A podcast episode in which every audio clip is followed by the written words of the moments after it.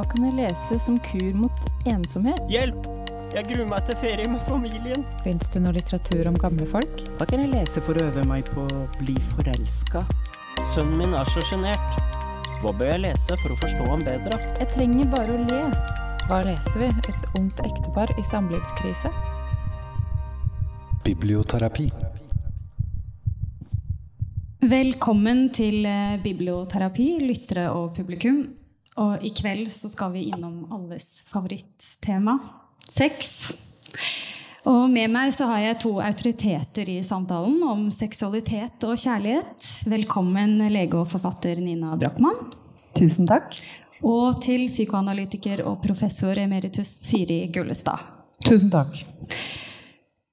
Jeg tror det skal bli vanskelig å holde meg til dette brevet, for det er jo fristende å kaste seg over dere med alle mine egne problemer, men jeg skal gjøre så godt jeg kan, eller eventuelt skjule det godt. Så gangen i biblioterapi det er at vi leser et eh, brev hvor en stakkar ber om råd, og så forsøker vi å besvare brevet ved å anbefale brevskriveren å lese noen bøker. så egentlig så tenker vi jo her at brevskriveren kan finne ut av mye av dette på egen hånd. Bare ved å fa, få et eller annet å tenke med. Skal jeg lese brevet? Veldig gjerne. Kjære biblioterapeuter. Alle vennene mine fremstår som så seksuelt frigjorte, i motsetning til meg. Jeg føler meg unormal. Er jeg det? Bør jeg strekke meg etter å bli mer som dem? Og hva kan jeg i så fall lese for å bli mer frigjort og utforskende? Hilsen bluferdig mann. Trodde dere det var en dame? Jeg trodde først det var en dame. Da syns jeg det var et mye vanskeligere spørsmål. Eh, og jeg strevde også mer med å tenke ut hvilken litteratur jeg skulle ta med. Så det var nesten litt befriende når, var, eh, når jeg fikk vite at det var en mann. Siri, trodde du først at det var en dame som hadde skrevet inn? Mm, nei, jeg tenkte ikke egentlig det. Eh, det var jo åpent. Men jeg tenker at det er en eh, type problem som både kvinner og menn kan komme med. Ja, det Nina, hva er det du tenkte da du leste dette brevet den første gangen? Hva var de første tingene som falt deg inn? Ja, det var veldig mange ting. Jeg hadde lyst til å spørre han uh, hvor gammel han var. Jeg tenker det er relevant, fordi jeg ser at Jeg møter jo mest unge. Uh, og jeg ser at de strever mer, uh, har jeg inntrykk av, da, med disse spørsmålene her. mye pga. den pornokulturen og, som de er vokst opp med at de har helt andre eh, forventninger og forestillinger om hva som er normalt seksuelt, enn det eh, foregående generasjoner eh, ser ut til å slite med. Så det lurte jeg veldig på, da, hvor gammel han er. Eh, for bluferdig er jo et litt sånn gammelmodig ord. Eh, mens resten av brevet ga inntrykk av at det var, følte jeg at det var en 20-åring. Um, og så lurte jeg også på hva han mente med seksuelt frigjort. Og det ble jeg også sittende og tenke på. Hva, hva er egentlig det? Der har du vært siden uh, Siden juni. Ja. Siri, hva tenkte du da? Ja, jeg eh, har samme reaksjon som jeg har vært deltatt et par ganger før. Og det er alltid et spørsmål hva betyr disse ordene for denne personen. Så hvis jeg tenkte at jeg møtte han da, som terapeut, som jeg jo er, så ville jeg, hvis han sa spørsmål om frigjort, så ville jeg tenke er ja, hva er problemet? Er han sjenert, ikke våger å nærme seg kvinner og damer, jenter? Eh, er han, eh, føler han at han ønsker å være mer fri selve det seksuelle, liksom, som han ikke helt våger seg frempå på? Eh, er det skam som er egentlig problemet? At han noe med selvfølelse og og som deg så syns jeg ordet 'bluferdig' fortjener å bli løftet frem. Det, det er jo implisitt, syns jeg, i brevet noe litt negativt. At han ønsker å bli mer fri. Uh, og bluferdighet er, tenker jeg, en sånn følelse av at uh, En form for egne grenser. Jeg husker jeg sa til en mann en, en pasient altså, som eh, hadde vokst opp i en sånn veldig fri såkalt sånn hippie-naturist, hvor alle var nakne, liksom gikk rundt nakne, og det var ikke lås på døra til do og bade, liksom. Og han følte at det var veldig invaderende egentlig, når moren bare kom inn på badet når han dusjet. Og på et eller annet tidspunkt, så gjør det kort, da, så, så sa jeg at ja, så du følte på en måte at hun ja, krenket eller liksom overskred dine bluferdighetsgrenser. Jeg, jeg sa jeg tror jeg bygget inn Jeg bruker kanskje et litt gammelmodig ord. Og det ga en bekreftelse på noe, en rett til å sette grenser, da. Som øh, han aldri hadde tenkt han hadde. Han, liksom, barn tilpasser seg de ideologier, miljøer man vokser opp i. Så, men bluferdighet er en følelse av øh, her dette vil ikke jeg. Så kan det også selvfølgelig være mer at uh, kroppsskam og Så det kan romme mange ting. Så det ville Hvis jeg var i kontakt med personen, utforske hva ligger det i dette for ham. Så det er to spørsmål. Det er hva, hva legger denne brevskriveren i begrepet bluferdighet, og også fri, frigjorthet. Ja. ja. Vi skal jo snakke om noen bøker vi skal prøve å besvare eller eh, anbefale noen bøker som man kan tenke med her. Nina, hvilken bok er det du har med oss til oss i dag? Du, jeg har tatt med 'Plattform' av Michelle Holbeck. Eh, litt fordi det var en av de første bøkene jeg kom på som omhandlet eh, mannlig utforskende seksualitet. Og så releste jeg den nå, og det, jeg tenker det er en veldig god bok eh, for denne mannen. breven bluferdige mannen. Det, det, handler da om det som tilsynelatende er er en 40 år gammel kulturbyråkrat i Paris som lever et veldig ensomt liv. Eh, han er sønn av en, eh, et skikkelig mannfolk, som han sier, som har svingt pikken, sier han vel på første side. Eh, og han selv har alltid vært veldig, veldig fortjust i eh, fitter, som han sier, fra han så en for første gang som 14-åring. Men han klarer ikke eh, å forholde seg til den moderne kvinnen. Eh, og til eh, sliter veldig med intimitet. Eh, og ender opp med at han da benytter seg hovedsakelig av, av sexarbeidere da, og peepshows og sånn. Og sexturisme etter hvert. for å få eh, nærhet. Og så etter hvert så møter han en kvinne. For min første tanke da du eh, fortalte meg at du hadde valgt denne boka, så tenkte jeg sånn Hvordan i all verden kan Welbeck hjelpe denne mannen? For det er det er jo litt eh, dystert og grovt, dette. Og han er jo ikke verdens mest sjarmerende fyr, han her Michel. Um, man får jo ikke lyst til å bli kjæresten hans selv, i hvert fall. Og på en måte være delaktig i denne frigjøringa. Men interessant. Og jeg, det aner meg at jeg kommer til å forstå det bedre i løpet av denne samtalen. Har du lest denne boka, Siri? Ja, jeg har lest den nå. Jeg, har, jeg må bare innrømme at jeg har ikke lest Holbæk før, men nå har jeg lest han tre bøker i ett.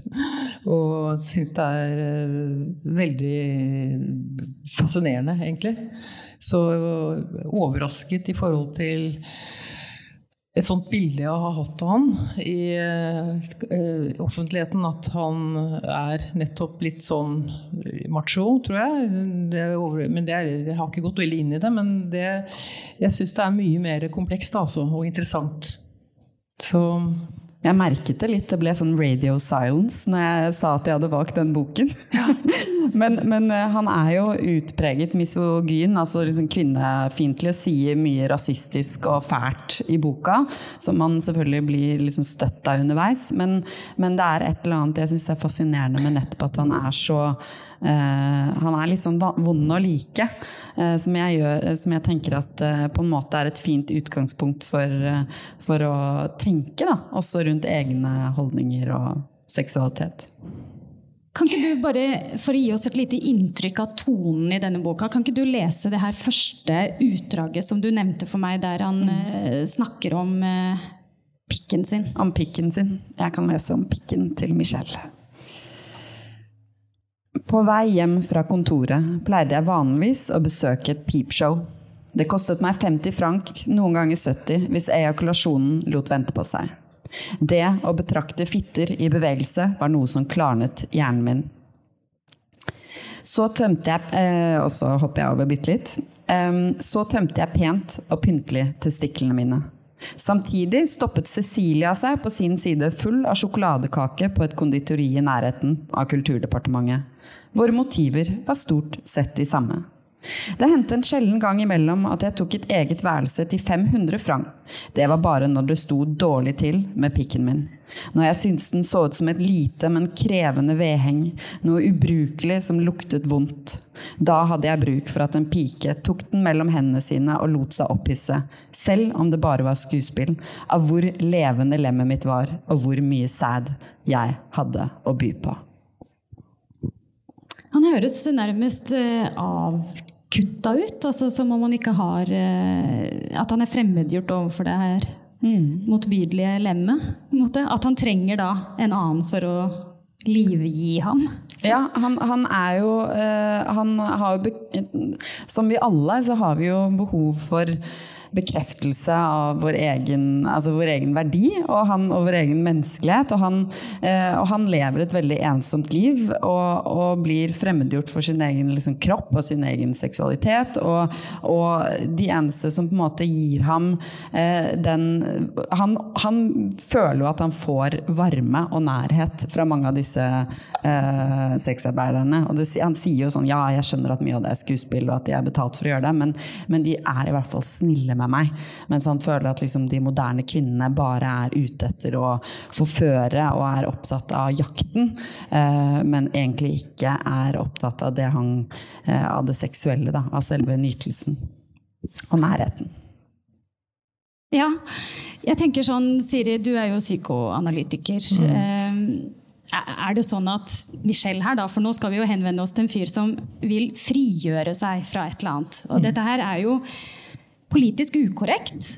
Er Michel da fri?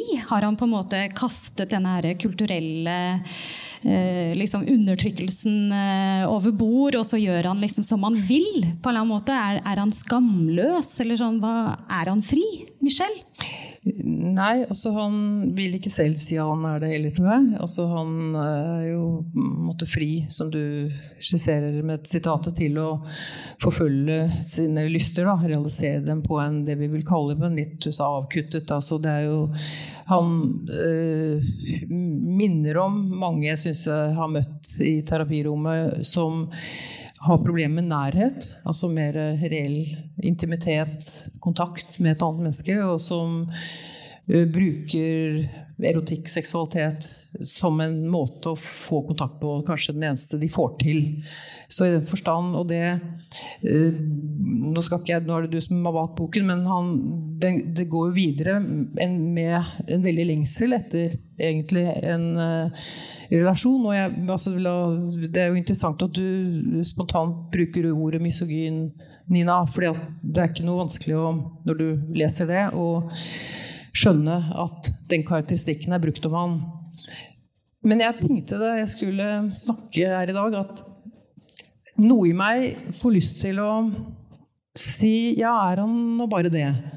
Og det er selvfølgelig veldig politisk ukorrekt. Men han er jo en utrolig hva vil jeg kalle det, sansenær forfatter. Han beskriver mat og lukt, arkitektur, tekstiler med en sterk nyanserikdom.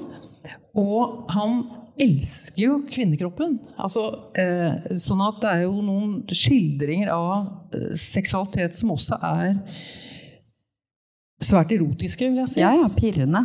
Sånn at han har også en veldig lengsel etter og kjærlighet til kvinnen, men han opplever Han er jo en kritikk av min generasjon, han er jo en kritikk av 68-erne og hele altså, Som jo er veldig provoserende. Mm. At han Jo, men han. sier jo, han beskriver jo også det er jo to, han, er, han drar etter hvert på sexturisme til Thailand på sånn gruppereise, hvor det bl.a. er to uh, unge, yppige damer med, som går i G-streng og, og silikonpupper, og de omtaler han jo bare liksom konsekvent som horene, og, og ikke sant, her kommer de og byr seg. Altså, sånn, han, han skriver jo veldig sånn fornedrende også om, eh, om det vi kanskje ville kalt litt sånn seksuelt frigjorte eh, unge kvinner, da. Det har han ikke noe til overs for.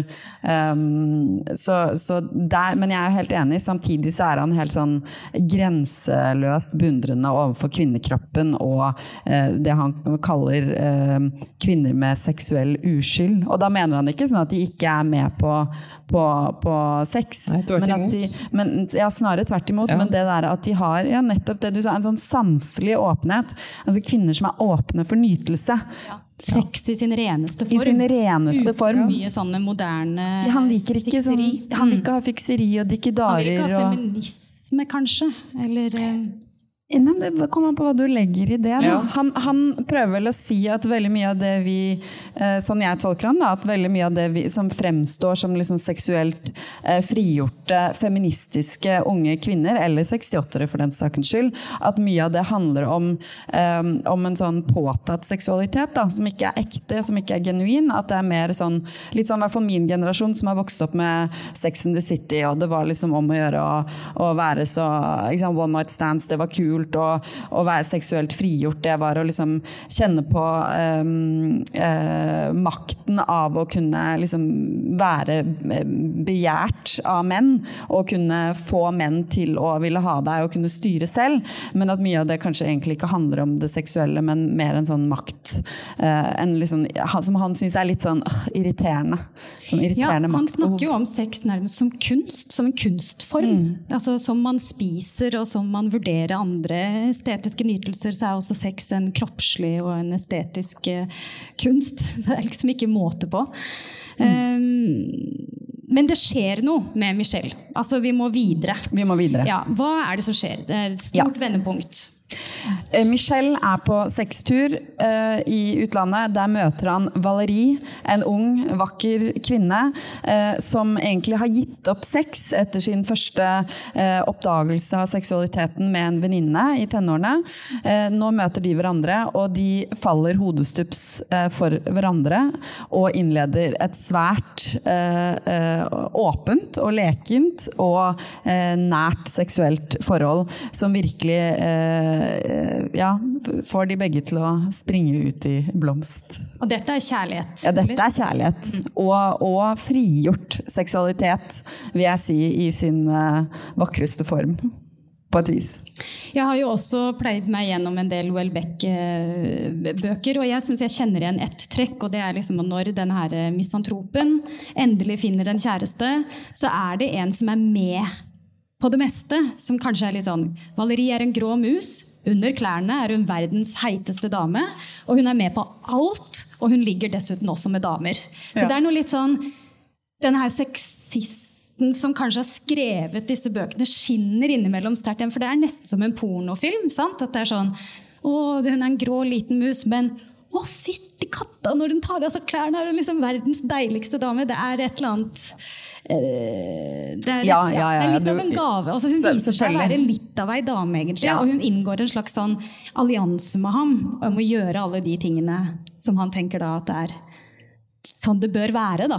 Som Ja. er trekanter og Ja, det er jo også hennes eh, lyst, da. Jeg syns jo det skildrer også en kvinne Nei! Nei da.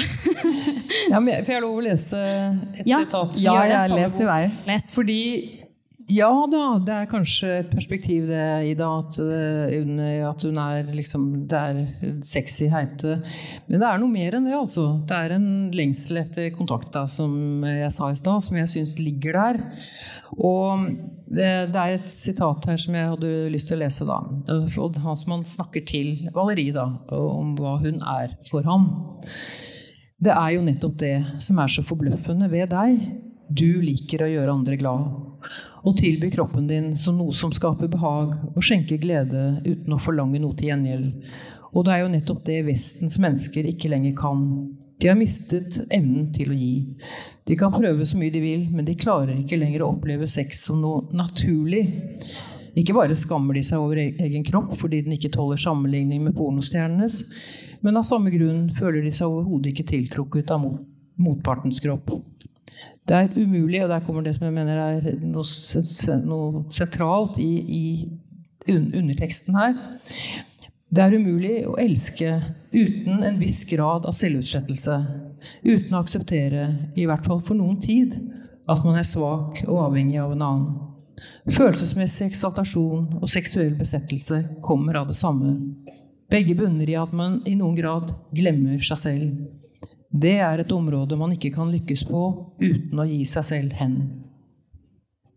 Det er hans Det er rørende. Amen. Ja, ja det er eh, det Og den Sånn som jeg Hvis jeg skulle tenke på de heltene psykologisk, så er det jo en mann som er livredd for det, fordi det underliggende er en engstelse for å Når vi gir oss hen, så er det implisitt at vi kan risikerer å bli avvist. Det er, ingen, det er ikke noe sikkerhetsnett i det.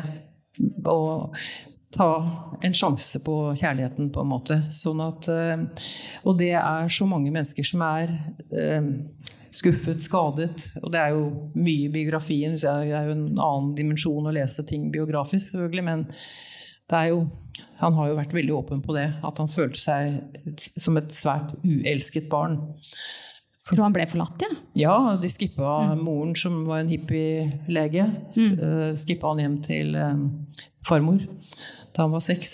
Så han uh, ville jo ikke ha noe med foreldrene å gjøre. Moren har jo skrevet en motbok med ham. Mm. Han har jo sagt, sa i et intervju at mor er død, og hun utleverte han og sa han er en drittsekk og ja, en løgner og, og, sånn. Så det er jo et åpent hat. Mm. Så det ja. er jo en, en smerte der. Rett og slett en smerte og en veldig lengsel etter å kunne våge å bli nær. Så hvis vi skal bruke det siste sitatet her og, og, som et sånt svar på dette brevet, så kan det å frigjøre seg være en øvelse i å hengi seg da, like mye som å f.eks. teste ut eh, pornografiske oppskrifter på hvordan man skal ha sex. Mm. Så er det da den herre hengivelsen da, som ja. kanskje bør være i fokus. Mm. Ja. Og, og det, lykke til med det! Lykke til med det. jo, men vi kommer jo tilbake til det når vi skal snakke om eh, neste bok, ja, tror jeg. Ja, for nå skal vi videre. Mm. Siri, hvilken bok har du valgt? Jeg har valgt uh, Vigdis Hjort, uh, uh, om bare. Som er beskrivelsen av et destruktivt, vil jeg si. Hekt. Det Cecil Gran har kalt for et hektforhold. Dvs. Si et forhold hvor du hele tiden føler at du egentlig ikke får den andre helt. Eh, eller i hvert fall ikke sånn at du føler at du kan være ordentlig trygg på det. Samtidig som du ikke kan gi det opp. Og hun tåler og tåler. Altså denne, eh, det er jo en litteraturprofessor som er eh, Vi må ha navnene, faktisk. Fordi Vigdis gjorde er alltid så gøyal med navn på karakterene. Hva ja, heter dem igjen? Ida heter hun, og Arnold heter han. Arnold Busk. Arnold Busk, ja. Og Ida Heier. Og han er jo en buskjeger. Så det... Ja, han er jo en buskjeger. Ja, og eh, det som kjenner det forholdet, er at han er gift i utgangspunktet, men etter hvert, så etter et par år, så blir det dem, og det er heftig, det er en besettende, og det er så mye skildring av sex at man blir helt trett av det, vil jeg si. Og alkohol, ikke minst. Så det går i en sånn evig rus. Og uh, igjen, altså det er noe av samme problematikken, tenker jeg, Nina, altså som i Olbæk. da, at, at, Med en kvinnelig hovedperson her. At hun, hun um, forstrekker seg, egentlig. De prøver alt mulig uh, av seksuelle teknikker og stillinger og opp og ned, uh, liksom. Men, men uten at det er en dypere tilfredsstillelse i det. Og eh, hun, sånn at igjen er det til vår frigjorte, ikke frigjorte, bluferdige mann spørsmål hva, hva ligger det i det å bli fri, liksom? Og, og, og, at det handler om, som du tror jeg sa noe om, Nina, altså, som du har mye mer erfaring med meg, tror jeg, med unge mennesker, at uh, Sex kan være lett, og jeg hørte akkurat ordet 'pulevenner' her. som jeg liksom, det, ja, det snakker de om, liksom. Det, mens det de skammer seg over, er å føle, altså, på en måte. Og ville være den utvalgte, og ville 'jeg skal være den eneste for deg', og det skal de liksom ikke slippe til. Men det hun skildrer her, det er et sitat som jeg hadde lyst til å lese, siden dette Gjerne. Er det, er det vi skal gjøre. Ja. Eh, hvor de da prøver seg på noen Mens eh, Olbeck skildrer jo i og for seg trekanter. Jeg leser det som at hun Valeri også ønsker det. Det er Ja. mye mer frivillig. Mens her er det mye mer forsert fra Idas side. Hun føler at uh, han kanskje vil det, og da skal hun bli med på det. Så dette er en skildring av uh, en eh, annen Ida, altså den Ida som kommer inn som uh, i en trekant. da. Og vår heltinne Ida, hovedpersonen, står og betrakter altså Hun har vært litt med på denne trekanten, men så orker hun liksom ikke, og så trekker hun seg ut. Ida står med tannbørsten i hånden og ser det. Så vondt det gjør. Hånden hans som beveger seg nedover. Kvinnen sukker, og hånden blir ivrig. Hun ser det. Ida står i døråpningen og ser på. Den ivrige hånden over fitta, den mørke fitta, den blå fitta, det lille dyret. Han bøyer seg over den andre kvinnen og kysser brystvortene hennes og kjenner at de snurper seg i munnen, som de gjorde i Idas munn. Og nå kommer han snart inn i henne. Han vet ikke at Ida står og ser det, hvor likt det er. Hvordan han liker det, som han liker det med henne. Hvorfor gjør hun dette mot seg selv? Nå skjer det straks, nå går det snart for ham, så deilig det er. Så deilig er det for ham inni den andre kvinnen at det går for ham. Ida går på badet og lukker seg inne. Så er det altså sant, så er det altså mulig, det umulige, som ikke er til å leve med. Hun tåler det ikke. Hun står på badet, nå peiser han på den andre, nå går det for ham, nå stønner han, nå er det aller deiligst. Det er ikke til å bære, hun bærer det ikke. Og jeg syns det, det er en skildring av Det er et ord eh, Jeg tror kanskje det var Irene Engelstad som brukte det først i analysen av den boken. Altså at hun opplever at hun er utbyttbar. Altså hånden over den andres kropp er akkurat som hånden over min kropp, og det er noe utålelig ved den tanken. Og det, det, det blir det vendepunktet i boka, hvor hun endelig jeg Når man leser det, kan du ikke komme deg ut av dette, liksom. Så, så hun skammer seg egentlig over å ikke være utvalgt og elsket på en sånn måte at hun er den eneste. Og den skammen blir utgangspunkt for handling. At da bryter hun. Det tåler hun ikke, og hun går. Men, men det jeg syns er fascinerende med Om bare, det er jo også at eh, Arnold Busk han er jo på en måte et bilde på det vi tradisjonelt har sett på som den seksuelt frigjorte mannen. ikke sant? Det er, det er skjørtejegeren, det er den notoriske eh, påskrudd seksuelle mannen som ligger med studinene sine, og som virkelig tar for seg av fruktfatet, eh, og som eh, er klar for alt, og som og som eh, De skriver på et eller annet tidspunkt at eh, han, han vokser på det seksuelt. eh, mens, mens hun eh, bruker det mer som en sånn selvpining, nesten. Nesten som en sånn eh, straff. Altså, hun har masse fri sex og ligger rundt, hun òg, men for henne så er det nesten selvskading. Mens han gjør det for å bygge seg selv opp.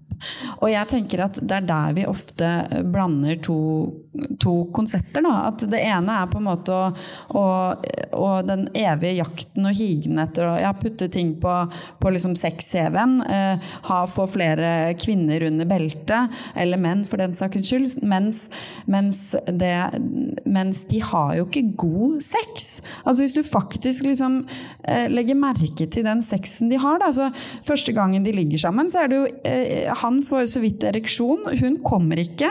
Hun får ikke orgasme før langt ut i forholdet deres, når de faktisk begynner å utvikle en viss form for intimitet.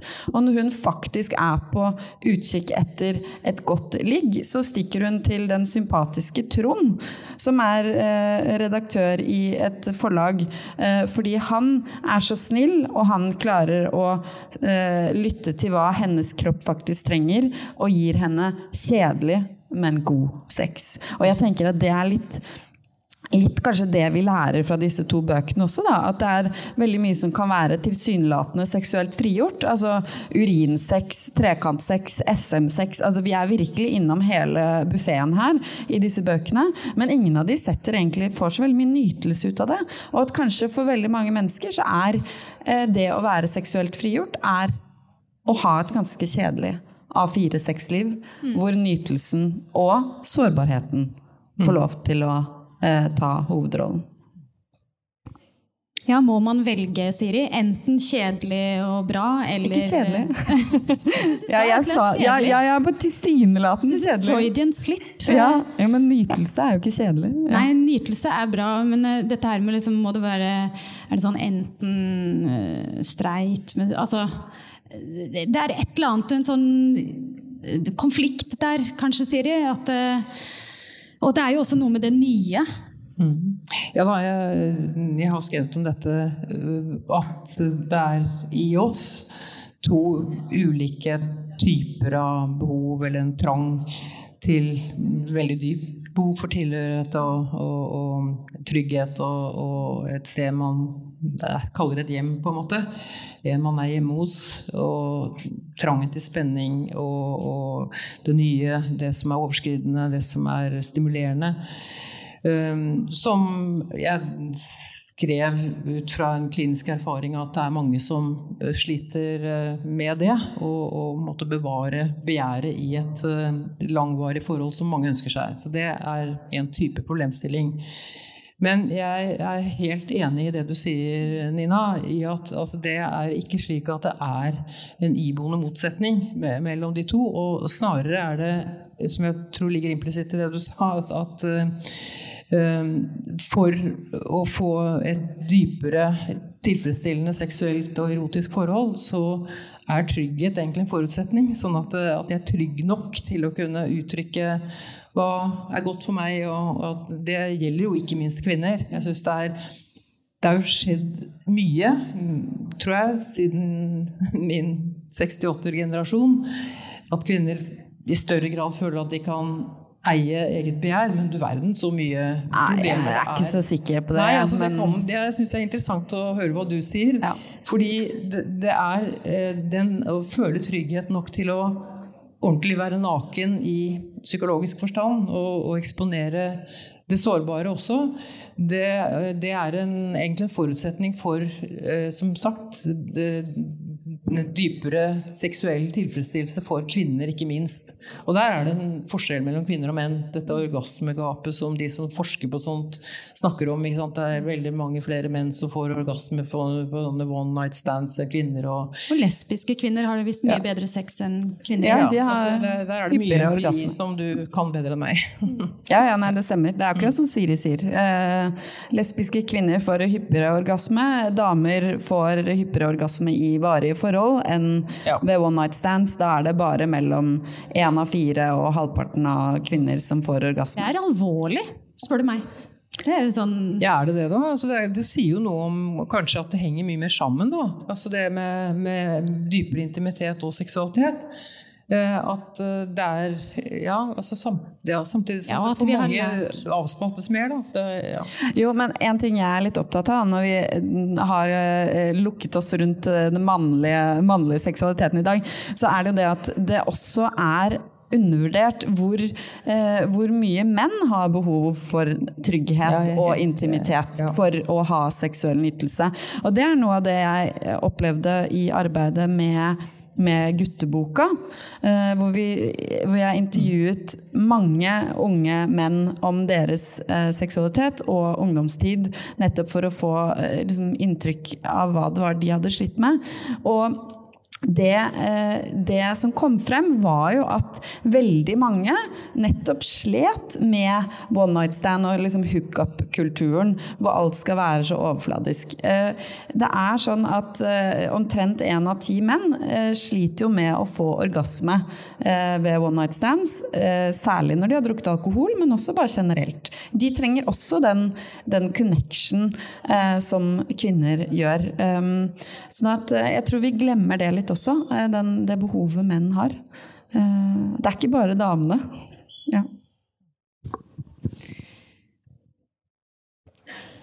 Ehm, jeg føler egentlig at vi har eh, klart å snakke oss gjennom disse bøkene. Har dere lyst til å lese et siste sitat, eller komme med et siste Gullord. Et siste gullord, ja. Gullord fra Gullestad.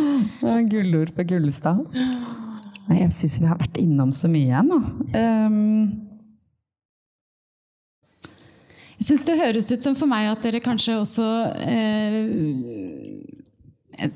er opptatt av at man ikke skal se seg selv utenifra. At man ikke skal liksom spille inn sånn som Ida som står og betrakter den scenen, eller at man tenker på et skript fra en pornofilm og gjør det, men at man på en måte skal prøve å liksom kjenne mer etter hva man har behov for, heller enn å på en måte spille inn filmen om sitt liv. Da, og gjøre at det Ja.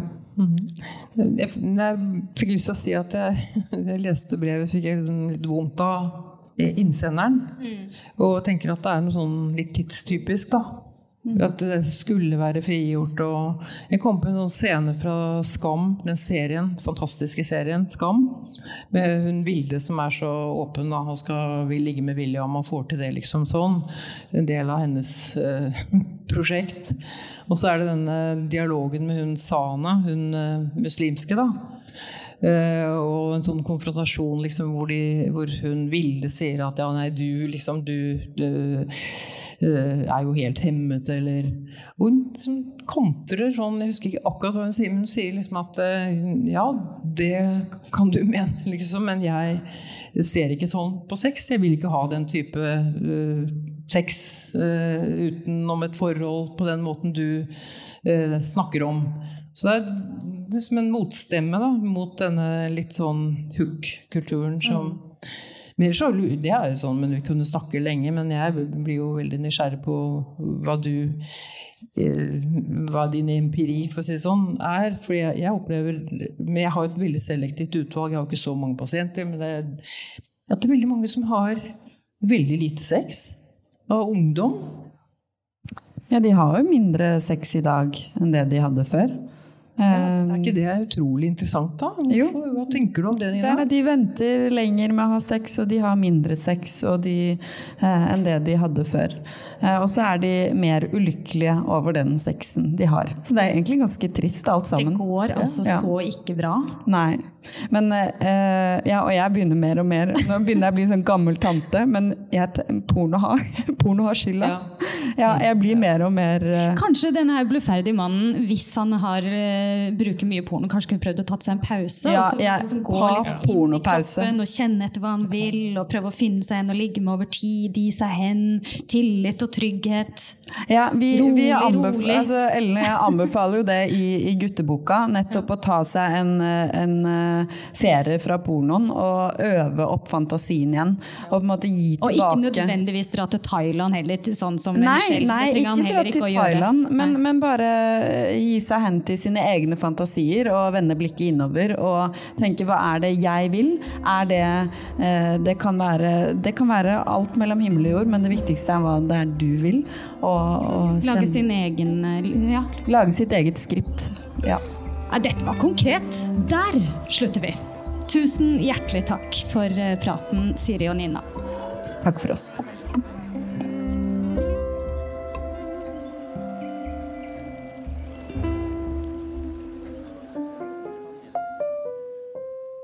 Dette er en podkast fra Deichman, hele Oslos folkebibliotek.